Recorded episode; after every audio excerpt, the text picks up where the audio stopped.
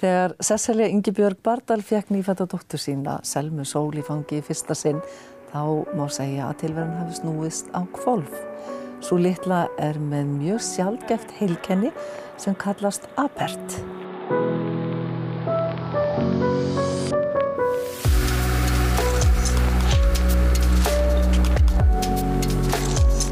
Velkomin. Segð okkur fyrst frá bara hvað er apert heilkenni? Apert er svona um, heilkenni sem að um, gerist í móðukviði. Þetta er svona stökkbreyting á geni uh, og það, ef ég skilu þetta rétt, ég er nú ekki með laknisfræði mentun, en ég er svona að komast nær og nær að vita hvað þetta er nákvæmlega. Um, það verður sérst þannig að ákveðin tíumbúndi þá Ja, við, erum, við erum í rauninni með endalisa stökkbreytingar í líkamannum sem gerir það verkum að við getum breytt um, bara breytt í lífinu og verið svona, uh, við erum fljóta aðlast í lífinu og þegar að batnið er að vera tilbúið þá hérna eru endalisa stökkbreytingar. Nefna í þessu, í hennar tilfelli þá verður svona neikvæð stökkbreyting sem gerir það verkum að beinin uh, fara ekki í sundur í höfðinu og í puttunum og tásunum og þegar það verður neikvæð stökkbreyting þá í rauninni er margt annað sem klikkar ekki í rétt bóks ef við, þetta er svona mjög einföld útskýring og hérna og þá í rauninni er það þannig að, að hérna, höfuð beinin eru þá samvaksinn hérna og munnurinn verður ekki, næri ekki að lokast og puttarnir far ekki sundur og tásurnar far ekki sundur. Þannig að þetta er svona samvaksið, þannig að þetta er svona útlits einkenni. Mm -hmm. En, en vitsmjönaþroskin er hérna bara eðlilegur. Mm -hmm. sem er frábært yeah. og við heppum með það. Yeah. Þannig að hérna, en, en já, svona útlitið er ekki eins og við erum vöna að sjá svona í nýfættum börnum. Mm -hmm. Hvað var svona það fyrsta sem fóður gegnum hugan á þér þegar þú fegst hann í fóngið? Um, sko, þetta var, ég á að tvær aðra stelpur uh, sem eru einn ein 12 ára og einn 8 ára mm. og hérna, já, sko, fæðingin var mjög erfið og erfiðasta fæðing sem ég hef farið í gegnum. Þannig að þetta var allt svona einhvern veginn, byrjaði bara rauninni þar að vera öðri í sig, hérna, bara fæðing heldur en ég var vön. Um, þannig að svo bara einhvern veginn kemur henni heiminn og og ég fæ, ég man ekki svona eftir að hafa fengið hann í hendurnar ef ég var alveg hreinskilin. Ég er svona, ég bara, ég man, ég fekk hann á því ég á myndaði, þannig ég, ég man eftir því gegnum myndina. Mm. En svo kom einhvern veginn læknir og að því að hún var með þessi, hérna, þessi útlitsenginni þá auðvitað fyrir allt í gang, fyrir að skoða hvað er í gangi og, og svona. Og Þannig að hún fer einhvern veginn bara strax til læknis og, og ég, hérna, þetta var, þetta var erfið fæðing mm. þannig að lækna, það fór allir einhvern veginn að hlúa því bara ég var, ég, ég var með svo mikið blóð og alls konar svona. Mm. Þannig að ég uppliði ekkert endilega ég væri að fæða barn svona eftir á því að svo fór bara maðurinn minn með hennin á barnadeild og ég var bara að vera að klára að græja mig og svo var ég bara inn á, hérna var flutt bara inn á aðra deild og og fekk alveg hérna, gott samtal og allt svo leiðis en, en svona var ekkert með barnið og var ekkert komin, hún var ekki komin á brjóst eða neitt svo leiðis svona eins og ég var í vön. Mm. Þannig ég var svona smá bara með svona engar tilfinningar eiginlega, þú veist, til upp í byrjun. Og hefði alveg skeitt að svona, mér fannst ég stundum alveg bara hafa verið í einhver svona aðgerð bara. Og hérna, en hérna, já, það var mjög skrítið. Þannig að ég uppliði bara svona lítið fyrst en svo fór ég hérna daginn eftir og hitt hana og, hérna, og maðurinn minn kom stutt eftir að ég var komin inn á Anna Herbergi og, og saði mér alveg náttúrulega frá henni og hún væri bara alveg, hún væri fullkominn og hún væri æðisleg og bara og ég er að fara að sjá hana og ég var ennþá bara svona já bara, og hann hafði ágjur að ég væri ekki að tengjast við hana strax en, en ég gerði það kannski ekki alveg frá fyrsta mómenti, þá gerði, tengdist ég henni ekki alveg strax mm. en sem betur fyrr tengdist hérna maðurinn minn en er alveg bara miklu meira heldur en kannski hinnum, má segja. Já. Þannig að hann svona, já, hann var bara hágrátandi og var svo gladur með hann og fannst hún svo alveg frábær og, mm. og bara sá einhvern veginn, þau horfðu í augu og þetta var búið fallegt svona samband sem þau mynduðu strax. Já. sem kom svo setna hjá mér já. þegar ég hitt hann og svo mm. og, og þá voru bara, náttúrulega fann ég að, að hérna, að hún var bara okkar sko og bara, bara hérna, já, en, en hún var einstök Mm. Það er alveg þannig, svona upphafi. Var einlega strax alveg ljóst, mm. þannig að er komið einstakt barn Já. í einstakum líkama mm. og hvernig, hvaða einhvern veginn hugsanir farið í gegn? Já, sko, ég manna hérna læknirinn, hann Viktor, hann kom til okkar sem er búin að vera okkar svona læknir bara frá í síðustliðin tvei ár mm. frábær uh, læknir, ótrúlega gott að tala við hann og hérna, hann bara strax saði, ég held að þetta sé apert Já. og var rosa fljótur að, að hérna, að svona segja, já, hérna, þetta lítur út eins og apert heilkenni.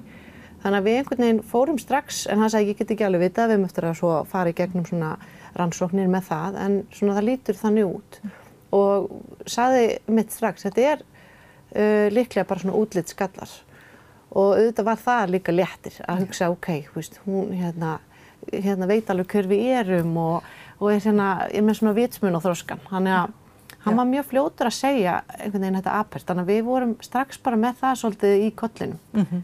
En þetta er afar sjálfgæft. Já, það er bara, ein, ef það er, við vitum af einum á Íslandi sem er fættur eitthvað kringum 60, um, en annars vitum við ekki um neitt annan hérna á Íslandi, sko. Hver er svona fyrstu viðbröð, fer maður að googla eða hvað hva, hva gerðu þið? Já, sko, það var náttúrulega Inda og hennar teimi á, á, hérna, á uh, fæðingadeildinni eru náttúrulega bara frábærar. Og þau bara fóru á fullt, heldur rosalega vel utanum okkur og, og, hérna, og sögðu okkur og, og auðvitað Viktor líka sögðu bara við skulum ekki fara að googla, við skulum bara hérna, við skulum bara leifa tímanum aðeins að líða og við hérna, pössum upp á hana og erum bara svona aðeins að kynnast til að byrja með. Þannig að við, ég fór ekki að googla fyrir bara nokkru mánuðum setna og, hérna, og það var mjög gott af því ég held að ég, þú veist, Google er gott en það auðvitað gefur ekkert alltaf réttustu myndina og apert getur verið mismunandi, það er ekkert alltaf eins heldur. Það getur verið um öndunarerfiðleikar og sem, sem að hérna, Selma er ekki með Mm. og hérna, hann að það er svona, já, og mjög mismunandi útlitt skallar, mjög, mjög mismiklir og hérna, þannig að ég er mjög glöð að hafa ekki farið í það strax, sko. Þannig að við fengum í rauninni bara þessa sérfræði nálgun í upphafi og tengingu við alls konar fólk bara frá Akureyri, það kom bara fullt af fólki að hérna, hjálpa mér að setja hann á brjóst eh, sem að hefði hérna, átt bann með hol, holgómabönn. Já, hún er holgóma, já, hún er sem sagt með gat í innri gómnum, mýkri gómnum. Hún er ekki með alveg holgóma, heldur er hún með gat í, innri gómnum. Þannig að hún náði aldrei þessu sogi.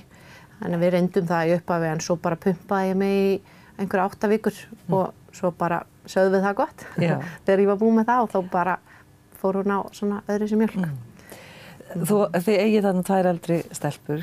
Hvernig tóku þær litlu systur? Þær voru bara mjög fljótar í að finnast hún bara alveg fullkomin og bara og þær voru bara, sá fannst einhvern veginn ekkert aðtöfuvert við hana bara eftir nokkra daga. Finnst hún bara verið eins og hún ætti að vera, sko. Mm.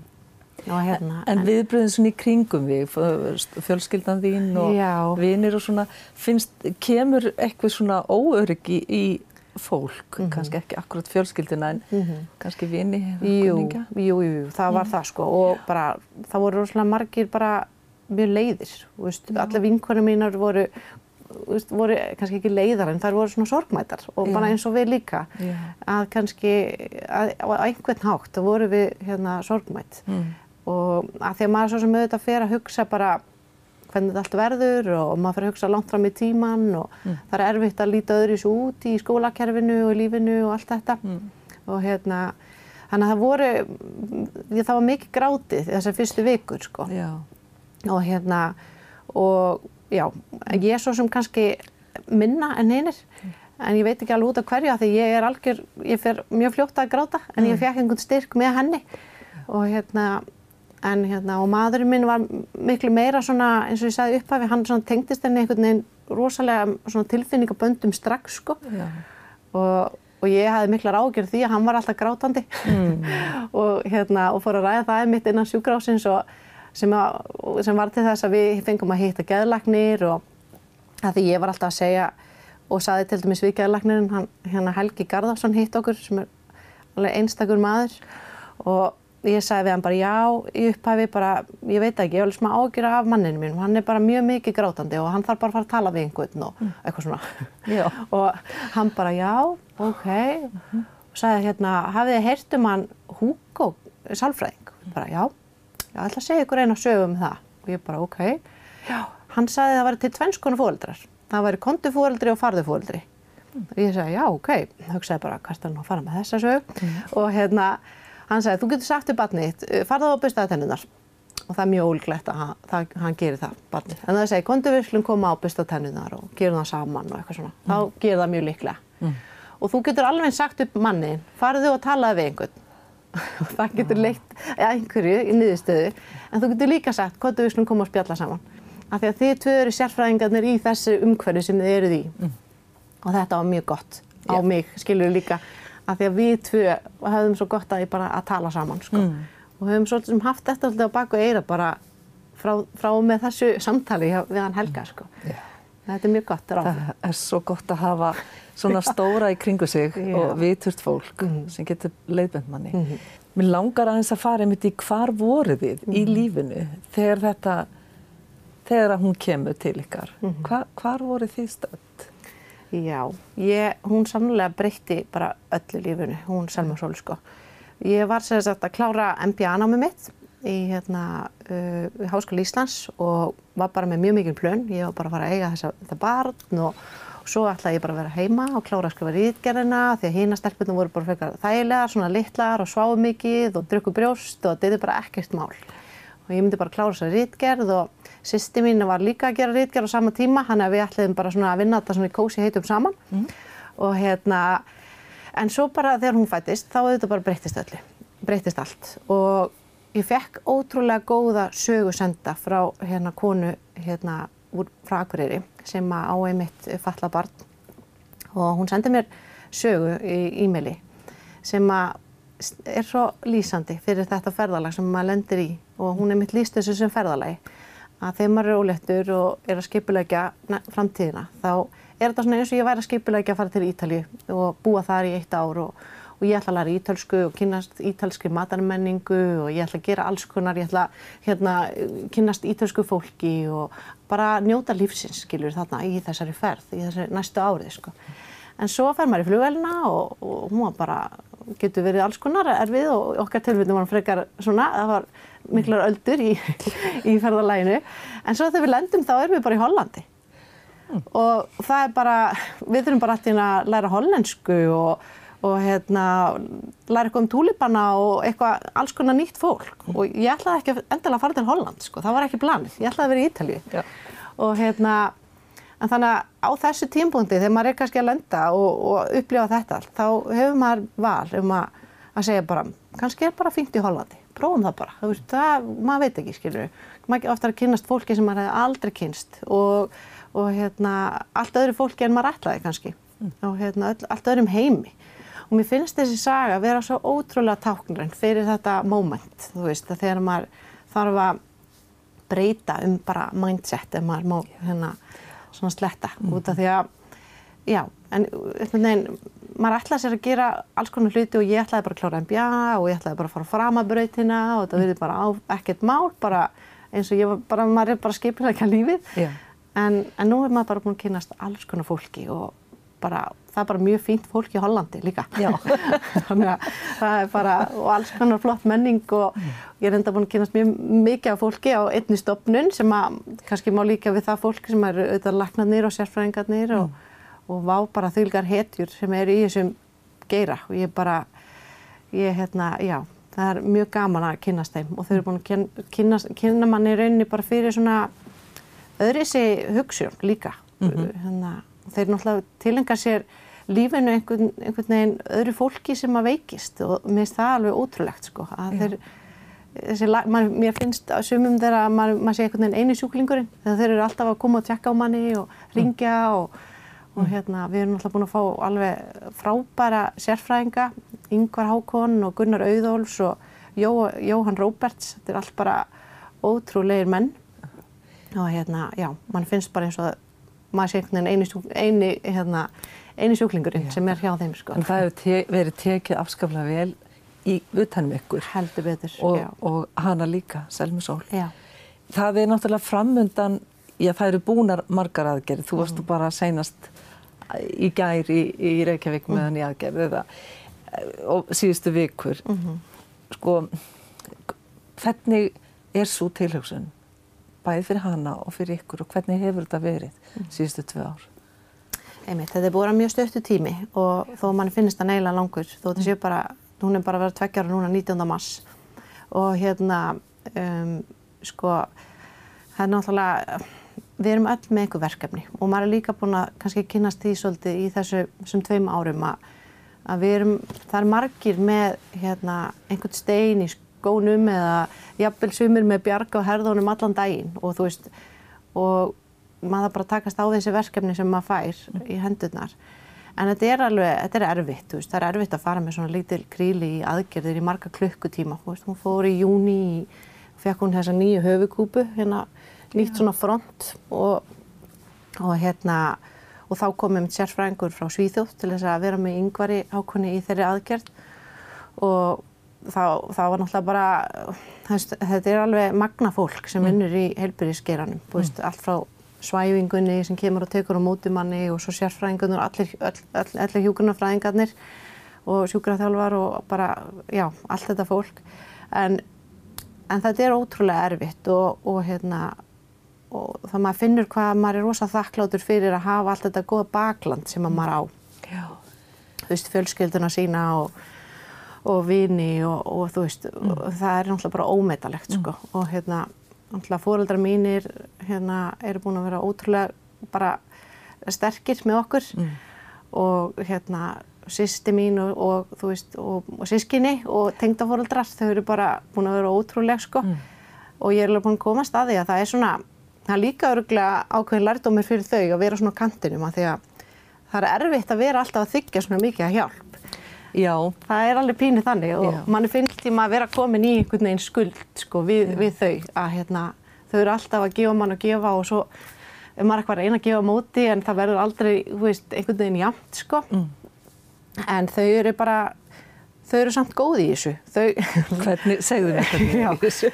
ég, ég, ég veit ekki alveg hvernig ég á að lýsa en það er auðvitað gott fyrir aðra sem lenda í þessu. Það er einmitt erfitt þó einhvern veginn að vera alltaf að þykja þessa hjálp. Mm og en þau einhvern veginn eru lúmskóði að láta það líta þannig út að þetta sé ekkert mál sko mm. og ég veit alveg að það er heilmikið að þau breyta plönum og, og bara til dæmis þegar ég var að skrifa ríkjarna mína sem ég kláraði og hérna og þá bara sögðu þau þú kemur bara til okkar og krókinn og, og við veist, gerum þetta bara saman og þú skilju skiptumst á að vera með hana og, og allt þetta sko Já, mm.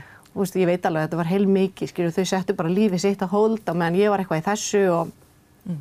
en hérna, en ég er ótrúlega þakklátt. Þau hafa kannski geta séð, séð stóru myndina með þér sko Já. og það er líka tilfinning að geta hjálpað og lagt, Já, lagt lofa og skáleiknar einmitt, ég held að maður einhvern veginn er, getur ekki, ég, maður áður aldrei eftir einhvern veginn að geta komið tilbaka sko og þú veist og ah, kannski bara sér hún sjálfum það og hún litla Selma svo já, vonandi, einhvern veginn. Heiminn er svo uppfullur að þessari útlýststýrkun hvíðuru einhverju, er hort á hana verður þau vör við að það er svona að fólk er að horfa? Já, það, ég finn það alveg sko svona já og já, og við höfum alveg upplifað nokkur svona moment sem að, þú veist, náttúrulega krakkar segja allt sem þau hugsa sem er bara eðlilegt og þú veist, hafa, þú veist við höfum alveg fengið svona hún er skrítin og hún er creepy og hún er með skrítna putta og eitthvað svona já. og hérna og náttúrulega margir spurst bara út í þetta og eitthvað -hmm. svona og jú, þú veist, auðvitað hvíð manni fyrir því, þú veist, -hmm. hvernig þetta verður og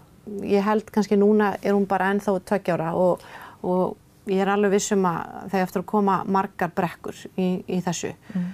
en ég maður alltaf að vona skilu, auðvitað er þetta breytt veist, það eru auðvitað mikið búið að gerast og það þurfu ekki allir að vera eins. En það er samt einhvern veginn svona við erum, við erum komin stittarhaldi en við höldum sko. ég held það, við erum að, já. Hefur þið getað speiklaði eitthvað í öðrum? Því að það er náttúrulega það fæðast ekki allir fullkomnir mm -hmm. hvernig, hvernig hefur Já, ég hef mikið velt þessu fyrir mig sko, þú veist, af hverju er maður með hérna sjálfströst og af hverju mm. er manni alveg sama hvað öðrum finnst og svona mm. og hérna og ég held að það sé ekki út af því að manni finnst manni vera með algjörlega fullkomið útlitt langt í frá og einmitt ein vinkona mín eh, hún hérna Hera saði mitt við mig, hún sem er læknir hún sagði bara, sæslega, það eru þú veist, ef þú hugsaður um bara mér finnst allar vinkonum mínar fullkomnar í útliti og það er ekki út af að það eru fullkomnar, það er bara því að uh, persónuleikin er svo, skýn svo í gegn Já. og auðvitað skiptir það auðvitað mestu máli mm. en það er alltaf þetta first impression sem að, sem að svona, maður oft dæmir fólk bara á tíu sekundum Já.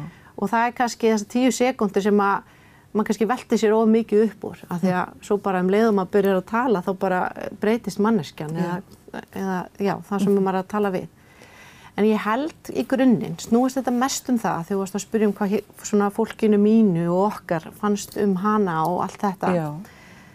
þá snúist þetta mest um bara hvað þeim okkur finnst svona fólkinu sem er næst henni. Já.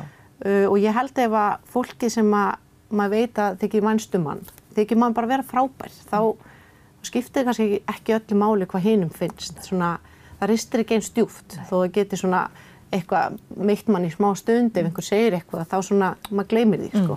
Og svo má ekki gleyma því að við förum öll í gegnum gelgiskeiðið og unglingsárin og sama hver fullkomin einhverjum öðrum fyrst maður vera, Já, þá er einhvern veginn þetta innra með manni ekki að segja það sama. nei, einmitt. Þannig að það er líka eðlilegur bara þróun í, hjá okkur. Já, Kanski verða unglingsárin?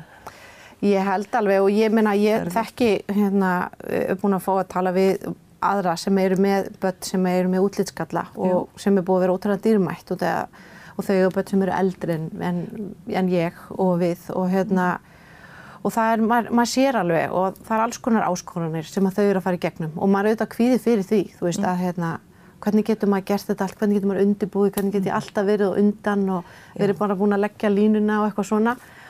Og þú veist, maður getur farið í það að reyna að vera alltaf undan, ég held, en, þú veist, en það er það, við getum það ekkert, veist, við þurfum bara, þetta mun bara koma í ljós í rauninni, sko. En hvernig hugsa, hugsið ykkur að undirbúa hana undir, því að börn spurja oft svo Já. beinskeittra spurninga. Einmitt, um, sko þetta er mjög góði punktur og um, við fengum svolítið góða leiðbendingar með þetta og, og hann er meitt hann Helgi fór svolítið inn á þetta með okkur að krakkar sem að uh, fæðast með einhverja fæðingagalla eða útlitsgalla hvað sem það er, þau fá ofta eitthvað annað. Og hérna og ég held að maður getur gefið þeim einhver verkfæri eða einhver, einhver svona svör ef einhver segir eitthvað að hvað svolítið kasta boltanum tilbaka. Þú veist, þú er skrítin, já takk fyrir það. Eitthvað annað, skilur Já, já, já, já. eitthvað svona, án þess að maður fari í vörn heldur bara að geta svolítið svara fyrir sig á einhvern penan hátt. Mhm. við erum ekkert komið svör við því en bara til dæmis þegar við þegar hún fættist, þá fengum við svona smá æfingu í þessu bara Já. að því að fólk var kannski að spyrja okkur bara í græmmetisborðinu í bónus, Mm. bara hvernig gengur og er allt lægi, veistu, eitthvað svona. Og þá var alveg gott að vera bara með, já, það gengur vel, hún er bara með heilkenni en við erum bara sæl og ótrúlega lykkuleg með hana. Já. Þetta var bara, við vorum bara búin að, pínu búin að ákveða einhverja setningar. Já. Þú veist, bara, Já. þetta er svarið, þú veist, þetta gengur fínt og við ætlum bara að halda áfram. Já. Að ekki djúft í einhverja umræðu hvar sem er. Nei. En fannstu að fólk var eitthvað að forðast að, að hitt ykkur eða? Já, eða, þú veist, þetta er, þetta er alveg svona, sumum, hérna, sumir sögðu mitt bara, ó, þú veist, þetta er sorgal, sorglegt og þetta er svona leiðilegt og, og maður er svona, örgulega pínu eins og þegar fólk missir einhvern sem mann er þykir vænt um, þetta er svona, getur verið svona pínu flókið, hvernig maður á að segja hlutina og ég veit ekki, það er einmitt gott bæði fyrir okkur og svo fyrir þá að hafa bara eitthvað svona, eitthvað svona ákveði svona, einhverja línur til að spyrja það að segja bara hvernig gengur. Já. og, og þá getur maður svarað á einhvern ákveðin hátt. Já. og þetta er pínu, þetta er pínu skrítið þetta en þetta er ótrúlega léttir einhvern veginn að, að hafa svarið og, og þurfu ekki alltaf að brotna niður eða veit ekki hvernig maður á að gera eða Og, og þetta er kannski má segja að kemur svolítið úr fagmennskunni í heilbriðiskerfinu að, að þið eru að fá svona ákveðin bjargráð í Já. raun og veru. í rauninni sko og Já. hérna, þau, já, þau, og sko ég, ég veit að við erum búin að vera stutt í þessum, hérna, í Hollandi Já. í þessum heimi Já. og hérna og ég erum örglega eftir að læra ótrúlega mikið en núna á þessum stutta tíma þá hefur kerfið verið á undan okkur og við höfum ekki upplifað um, svona ekkert rosalega mikið af einhver svona erfiðum hlutum sem sagt tengt kerfinu. Við höfum ekkert þurft að berjast mikið þar. Veist, við, við erum búin að hitta frábæra fjölskylduráðgjafa og félagsráðgjafa og sem hafa verið bara mjög ákveðnir því að segja bara þú veist, nú þarfst þú að þykja þess aðstóð og hýna og þá frekar að við værum svona, nei, nei, við þurfum ekkert, þú veist, við, það er einhver sem þarf þetta meira og bara við erum bara fín og eitthvað svona. Já. En það er kannski að því við eigum gott bakland sjálf og, hérna, og höfum kannski ekki þurft á því halda. En við finnum samt að þegar við sögum já, þá var það mjög gott. Af því við eigum líka tvær aðra stelpur Já. sem að er alveg gott að geta haft smá stundum tíma og á þess að vera að blanda selmusólinn í allt saman. Já. Og svo, Og svo bara hvort annað. Sem hefur reyndar aðeins. Við hefum ekki haft jafn mikið tíma í það. Nei, nei. En, en eh, ég heyr af öllu að, að þið eru stödd á mjög góðum stað í þessu öllu. Segðu okkur aðeins hver hún er þessi litla sól. hún er algjör hetja sko, hún hérna ég, veist, hún sko hún er bara, þú veist, ég veit ekki alveg hún, hún, er með bara svona ótrúlega sérstakar skapgerð, hún er alltaf hún er alltaf glöð.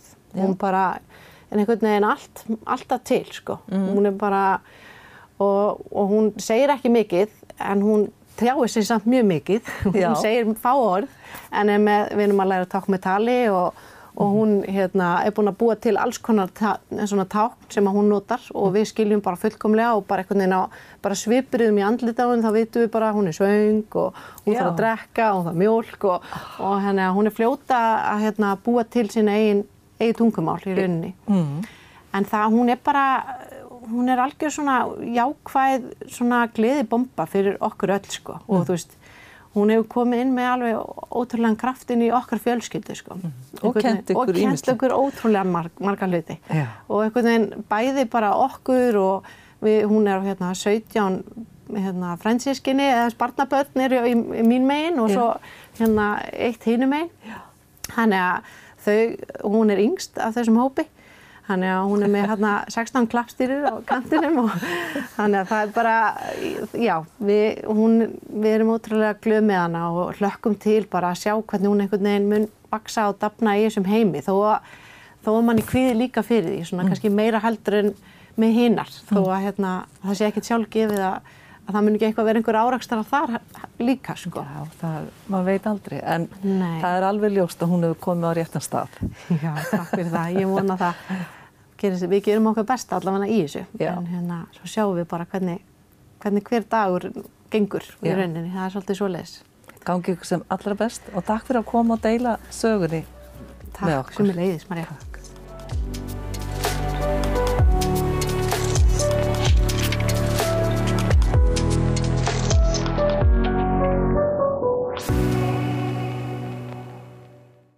Þegar Sesselja Ingibjörg Bardal fekk nýfætta dóttur sína, Selmu Sól í fangi í fyrsta sinn, þá má segja að tilverðan hafi snúist á kvolf. Svo litla er með mjög sjálfgeft heilkenni sem kallast apert.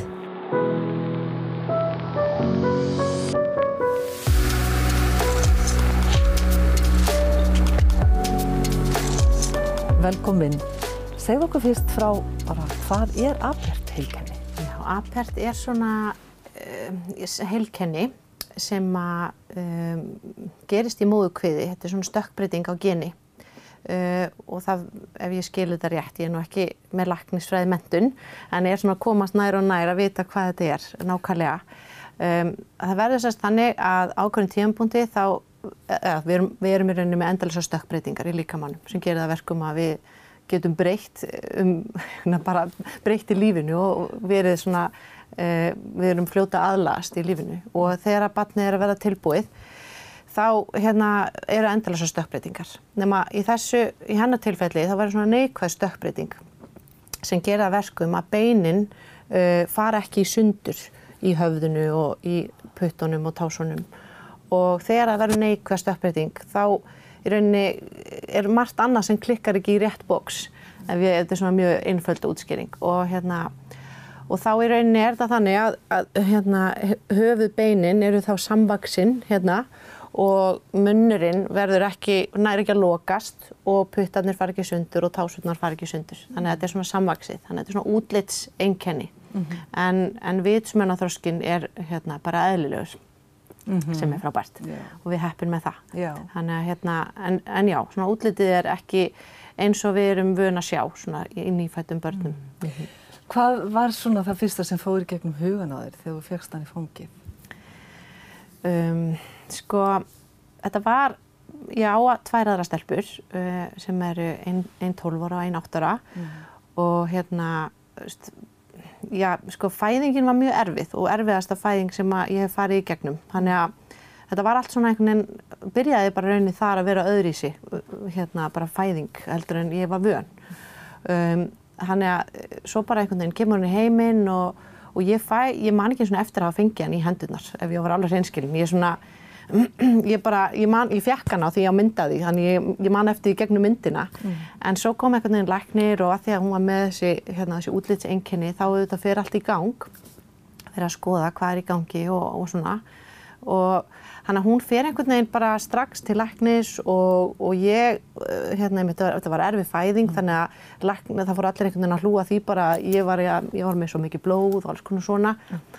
Þannig að ég einhvern veginn uppliði ekkert endilega ég væri að fæða barn svona eftir á því að svo fór bara maðurinn minn með hennin á barnadeild og ég var bara að vera að klára að græja mig og svo var ég bara inn á, hérna, flutt bara inn á aðra deild og, og fekk alveg hérna gott samtal og allt svo leiðis en en svona var ekkert með barnið og var ekkert komin, hún var ekki komin á brjóst eða neitt svoleið svona eins og ég var í vön.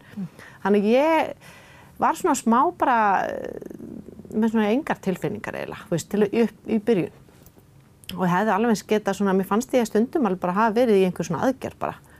Og hérna, en hérna, já, það var mjög skrítið. Þannig að ég uppliði bara svona lítið fyrst, en svo fór ég hérna daginn eftir og hitt hana og, hérna, og maðurinn minn kom stutt eftir að ég var komin inn á Anna Herbergi og, og saði mér alveg náttúrulega frá henni og hún væri bara alveg, hún væri fullkominn og hún væri æðisleg og bara og ég er að fara að sjá hana og ég var ennþá bara svona já bara, og hann hafði áhugir að ég væri ekki að tengjast við hana strax en, en ég gerði það kannski ekki alveg frá fyrsta mómenti, þá gerði ég, tengdist ég henni ekki alveg strax mm. en sem betur fyrr tengdist hérna maðurinn minn en er alveg bara miklu meira heldur en kannski hinnum, má segja. Já. Þannig að hann svona, já, hann var bara hágrátandi og var svo gladur með hann og fannst hún alveg frábær og, mm. og bara sá einhvern veginn, þau horfðu í augu og þetta var búið fallegt svona samband sem þau mynduðu strax. Já.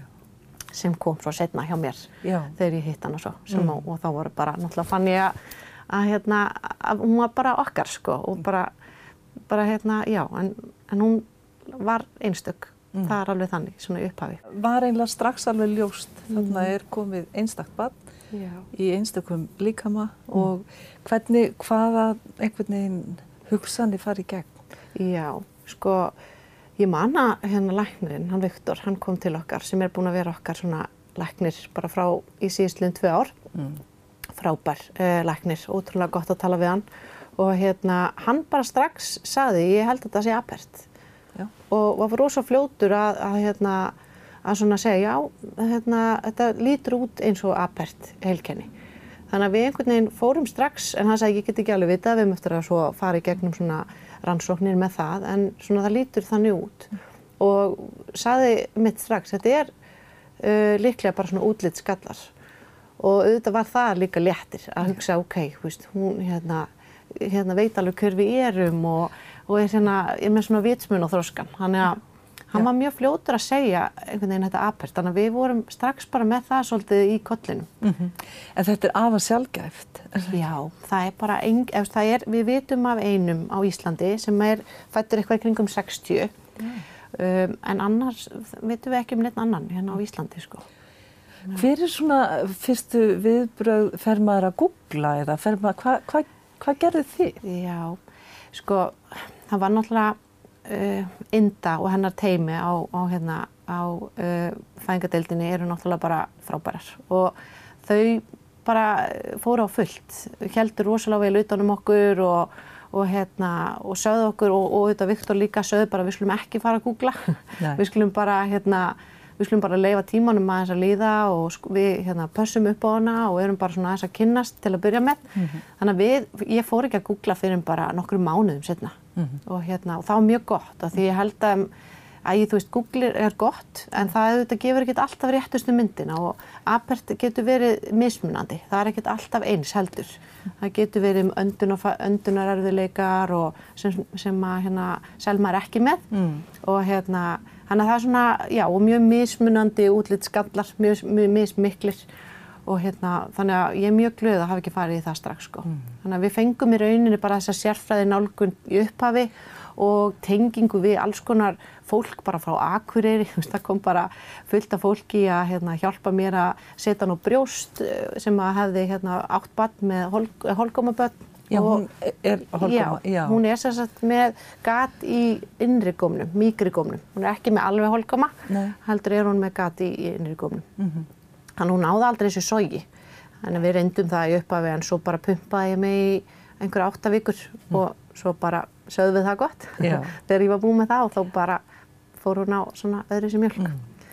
Þú, þið eigið þarna tvær eldri stelpur. Mm -hmm. Hvernig tóku þær litlu sýstur? Þær voru bara mjög fljótar í að finnast hún bara alveg fullkomin og bara og þær voru bara, sá fannst einhvern veginn ekkert að aðtöðverst við hana bara eftir nokkra daga, finnst hún bara verið eins og nætti að vera sko. Mm. Hérna, en, en viðbröðin svona í kringum við, fjölskyldan þín og já. vinir og svona, finnst, kemur eitthvað svona óöryggi í fólk, mm -hmm. kannski ekki akkurat fjölskyldina en mm -hmm. kannski vini kunninga? Jú, jú, það var mm. það sko og bara það voru rosalega margir bara mjög leiðir, veist, allir vinkunum mínar voru, veist, voru kannski ekki leiðar en þær voru svona sorgmætar og bara eins og við líka að kannski að, á einhvern hátt þá voru við hérna sorgmætt mm. og að því að maður svo sem auðvitað fer að hugsa bara hvernig þetta allt verður og maður fyrir að hugsa langt fram í tíman og mm. það er erfitt að líta öðru svo út í skólakerfinu og lífinu og allt þetta mm. og hérna þannig að það voru, það var mikið grátið þessar fyrstu vikur sko já. og hérna og já, ég er svo sem kannski minna en mm. en ég veit ekki alveg út af hverju því ég er algjör, ég fer mjög fljótt að gráta en ég mm. fekk einhvern styrk með henni og hérna en hérna og maðurinn minn var miklu meira svona eins og ég sagði upphafi hann svona tengdist henni einhvern veginn rosalega svona tilfinningaböndum strax sko og, og ég hafði miklar ágjörð því að hann var alltaf grátandi mm. og hérna og fór að ræða það mitt innan sjúkrásins og sem, að, sem var til þess að við fengum að hitta geðlagnir og að því ég var alltaf að segja og saði til dæmis við geðlagnirinn hann hérna Helgi Garðarsson hitt okkur sem er alveg einstakur maður og ég sagði við hann bara já, í upphæfi bara, ég veit ekki, ég vil smá ágjöra af manninu mínum, hann er bara mjög mikið grátandi og hann þarf bara að fara að tala við einhvern og mm. eitthvað svona og hann bara já, ok -hmm. og sagði hérna, hafið þið heyrt um hann Hugo Salfræðing? Bara já, ég ætla að segja ykkur einu sögu um það og ég bara ok, já, hann sagði það var til tvennskonu fóreldrar, það væri kontufóreldri og farðufóreldri mm. og ég sagði já, ok, hugsaði bara hvert er hann að fara með þessa sög mm. og hérna hann sagði þú getur sagt til barnið eh, farða á að bustaða tennunar og það er mjög ólíklegt að hann, hann gerir það barnið. En það segi slum koma á að bustaða tennunar og gerum það saman og eitthvað svona. Mm. Þá gerir það mjög líklega. Mm.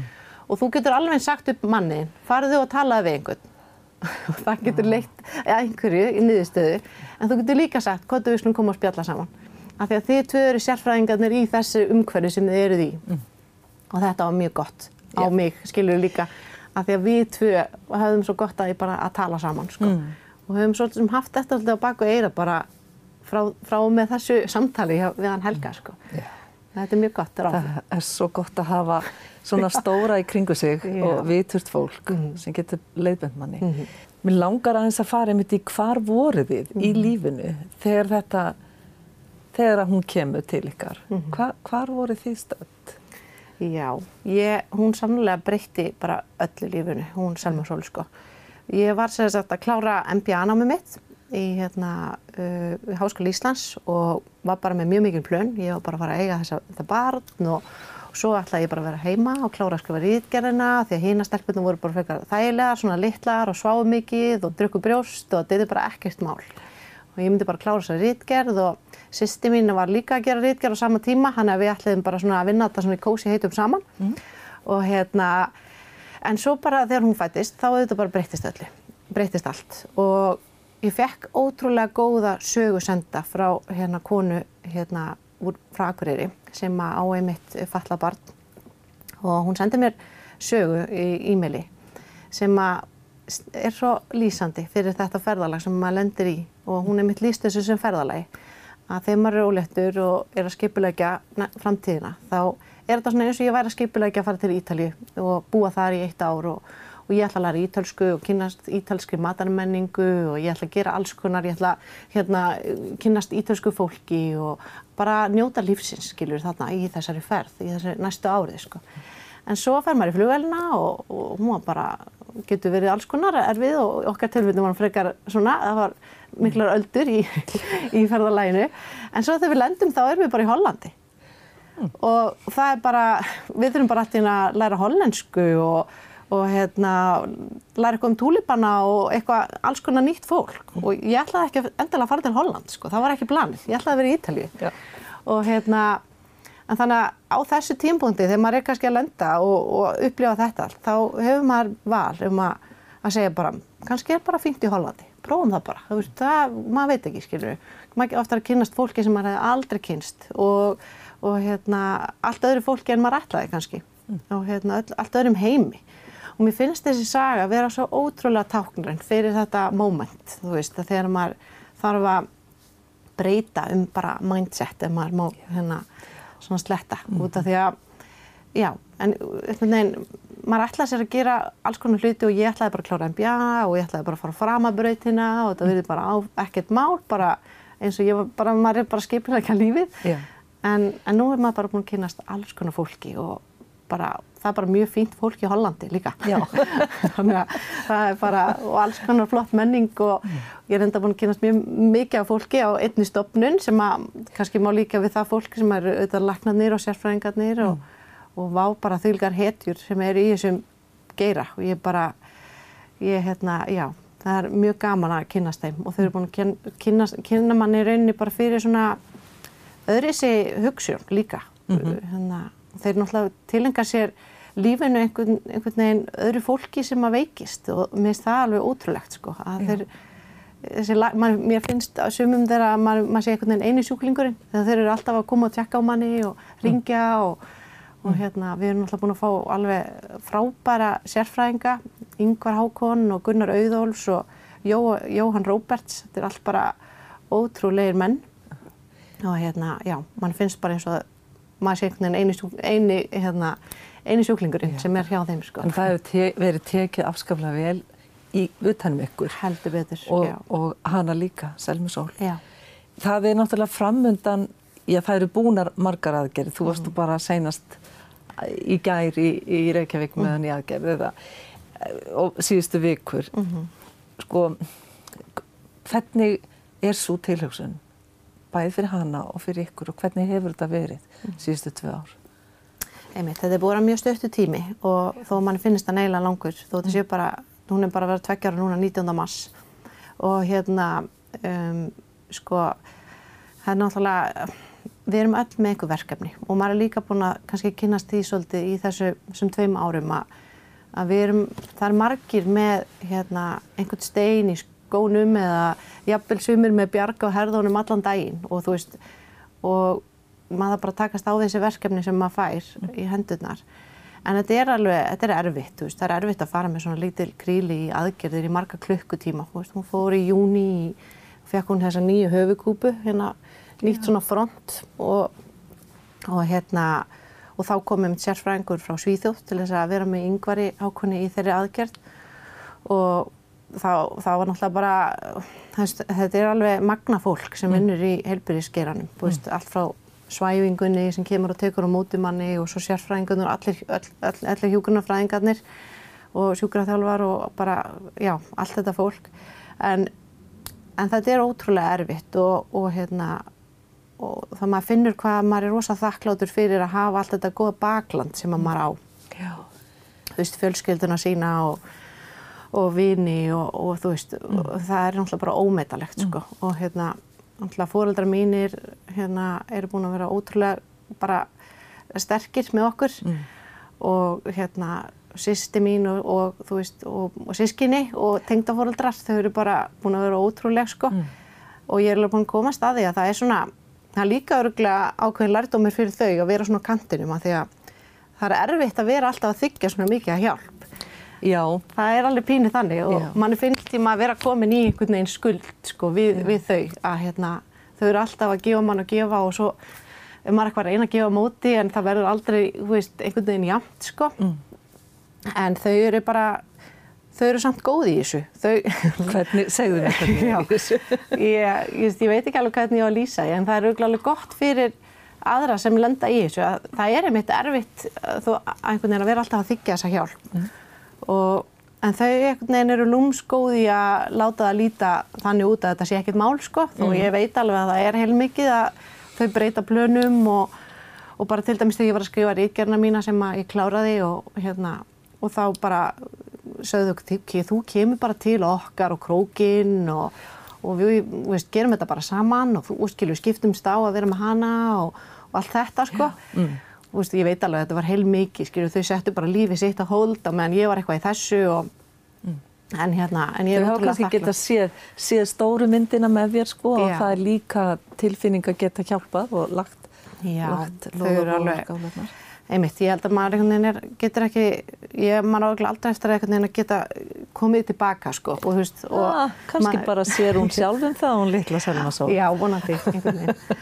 Að- Heimurinn er svo uppfullur að þessari útlitsstyrkun. Já, Hvíðuru einhverju, er hort á hana, verður vör við að það er svona að fólk er að horfa. já, það, Já. ég finn það alveg sko, svona og já, og við höfum alveg upplifað nokkur svona moment sem að, þú veist, náttúrulega krakkar segja allt sem þau hugsa sem er bara eðlilegt og þú veist, þau hafa, þú veist, við höfum alveg fengið svona hún er skrítin og hún er creepy og hún er með skrítna putta og eitthvað svona. Já. og hérna og náttúrulega margir spurst bara út í þetta og eitthvað svona. Og jú, veist, auðvitað kvíð manni fyrir því, veist, hvernig þetta verður. Og ég held kannski núna er hún bara ennþá tveggjára og, og ég er alveg vissum að þegar eftir að koma margar brekkur í, í þessu. En ég maður er alltaf að vona skilu, auðvitað er þetta breytt, veist, það er auðvitað mikið búið að gerast og það þurfu ekki allir að vera eins. En það er samt einhvern veginn svona við erum, við erum komin stittar held ég en við höldum sko. Já. ég held það, við hann að, já. Hefur þið getað speiklað þig eitthvað í öðrum? Því að það er það fæðist ekki allir fullkomnir. hvernig, hvernig hefur, Já, ég hef mikið velt þessu fyrir mér sko, þú veist, af hverju er maður með hérna sjálfströst og af hverju er manni alveg sama hvað öðrum finnst og svona. Og hérna, og ég held að það sé ekki út af því að manni finnst manni vera með algjörlega fullkomið útlitt, langt í frá. Og einmitt ein vinkona mín, eh, hún hérna Hera sagði mitt við mig, hún sem er læknir, hún sagði bara, sæslega, það eru, þú veist, ef þú hugsaður um bara, mér finnst allar vinkonum mínar fullkomnar í útliti. Og það er ekki út af að það eru fullkomnar, það er bara því að uh, persónuleikin er svo, uh, skín svo í gegn. Já. og auðvitað skiptir það auðvitað mestu máli. En það er alltaf þetta first impression sem að, sem að svona, maður oft dæmir fólk bara á tíu sekúndum. Já. og það er kannski þessar tíu sekundur sem að maður kannski velti sér of mikið upp úr. Af því að svo bara um leiðum að byrja að tala þá bara breytist manneskjan eða, eða já, það sem maður er að tala við en ég held í grunninn snúist þetta mest um það þegar þú varst að spyrja um hvað svona fólkinu mínu og okkar fannst um hana og allt þetta Já. þá snúist þetta mest um bara hvað þeim okkur finnst, svona fólkinu sem er næstenni Já. uh, og ég held ef að fólki sem að maður veit að þykir vænstum mann þykir maður bara vera frábær þá skiptir kannski ekki öllu máli hvað hinum finnst svona, það ristir ekki eins djúft þó það geti svona eitthvað meitt mann í smá stund ef einhver segir eitthvað þá svona maður gleymir því sko.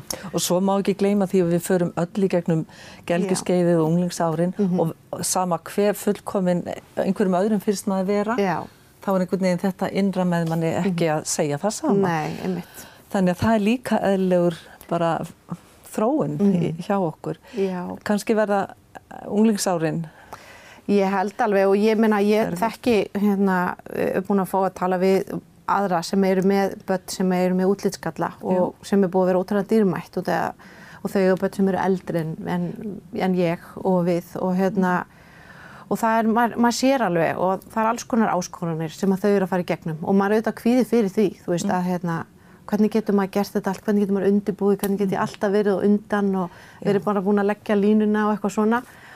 Og þú veist, maður getur farið í það að reyna að vera alltaf undan, ég held en það er auðvitað, það, við getum það ekkert, þú veist, við þurfum bara, þetta mun bara koma í ljós í rauninni, sko. En hvernig hugsa, hugsið ykkur að undirbúa hana undir, því að börn spurja oft svo Já. beinskeittra spurninga. Einmitt, um, sko þetta er mjög góði punktur og um, við fengum svolítið góða leiðbendingar með þetta og, og hann er mitt, hann Helgi fór svolítið inn á þetta með okkur að krakkar sem að uh, fæðast með einhverja fæðingagalla eða útlitsgalla eða hvað sem það er, þau fá ofta eitthvað annað. Og hérna og ég held að maður getur gefið þeim einhver verkfæri eða einhver, einhver svona svör ef einhver segir eitthvað að hvað svolítið kasta boltanum tilbaka. Þú veist, þú er skrítin, já takk fyrir það. Eitthvað annað, skilur Já, já, já, já. eitthvað svona, án þess að maður fari í vörn heldur bara að geta svolítið svara fyrir sig á einhvern penan hátt. Mhm. við erum ekkert komið svör við því en bara til dæmis þegar við þegar hún fættist, þá fengum við svona smá æfingu í þessu bara Já. að því að fólk var kannski að spyrja okkur bara í grammetisborðinu í bónus, bara Mm. hvernig gengur og er allt í lægi, veist, eitthvað svona og þá var alveg gott að vera bara með, já það gengur vel, hún er bara með heilkenni en við erum bara sæl og ótrúlega lykkuleg með hana. Já. Þetta var bara við vorum bara búin að, pínu búin að ákveða einhverja setningar. Já. Þú veist bara, Já. þetta er svarið, þú veist, þetta gengur fínt og við ætlum bara að halda áfram. Já. Að því maður ætla kannski ekki að fara djúft í einhverja umræðu hvar sem er. Nei. En fannstu að fólk var eitthvað að forðast að, að hitt ykkur eða? Já, eða þú veist, þetta er, þetta er alveg svona, sumum, hérna, sumir sögðu mitt bara, ó, þú veist, þetta er sorgal, sorglegt og þetta er svona leiðilegt og, og maður er svona, örgulega pínu eins og þegar fólk missir einhvern sem mann er þykir væntum, þetta er svona, getur verið svona pínu flókið, hvernig maður á að segja hlutina og ég veit ekki, það er einmitt gott bæði fyrir okkur og svo fyrir þá að hafa bara eitthvað svona, eitthvað svona ákveði svona, einhverja línur til að spyrja það að segja bara hvernig gengur. Já. og, og þá getur maður svarað á einhvern ákveðin hátt. Já. og þetta er pínu, þetta er pínu skrítið að þetta en þetta er ótrúlega léttir einhvern veginn að að hafa svarið og, og þurfu ekki alltaf að brotna niður eða veit ekki hvernig maður á að gera eða Og, svona, og þetta er kannski má segja að kemur svolítið að- úr fagmennskunni í heilbriðiskerfinu að, að þið eru að fá svona ákveðin bjargráð í Já, raun og veru. í rauninni sko. Og Já. hérna, þau, já, þau, og sko ég, ég veit að við erum búin að vera með stutt í þessum, hérna, í Hollandi í þessum heimi. Og hérna, og erum örglega eftir að læra ótrúlega mikið en núna þessum stutta tíma þá hefur kerfið verið á undan okkur. Og við höfum ekki upplifað um, svona ekkert rosalega mikið af einhver svona erfiðum hlutum sem sagt tengt kerfinu. Við höfum ekki þurft að berjast mikið þar. Veist, við, við erum búin að hitta frábæra fjölskylduráðgjafa og félagsráðgjafa sem hafa verið bara mjög ákveðnir í því að segja bara, þú veist, nú þarfst þú að þykja þess aðstóð og hýna og þá frekar að, við værum svona, neini, við þurfum ekkert, þú veist, við, það er einhver sem þarf þetta meira og bara við erum bara fín og eitthvað svona. Já. En það er kannski að því við eigum gott bakland sjálf og, hérna, og höfum kannski ekki þurft á því að halda. En við finnum samt að þegar við sögum já, þá var það mjög gott. Að því við eigum líka tvær aðra stelpur Já. sem að er alveg gott að geta haft smá stundum tíma og á þess að vera að blanda selmusónlinn í allt saman. Já.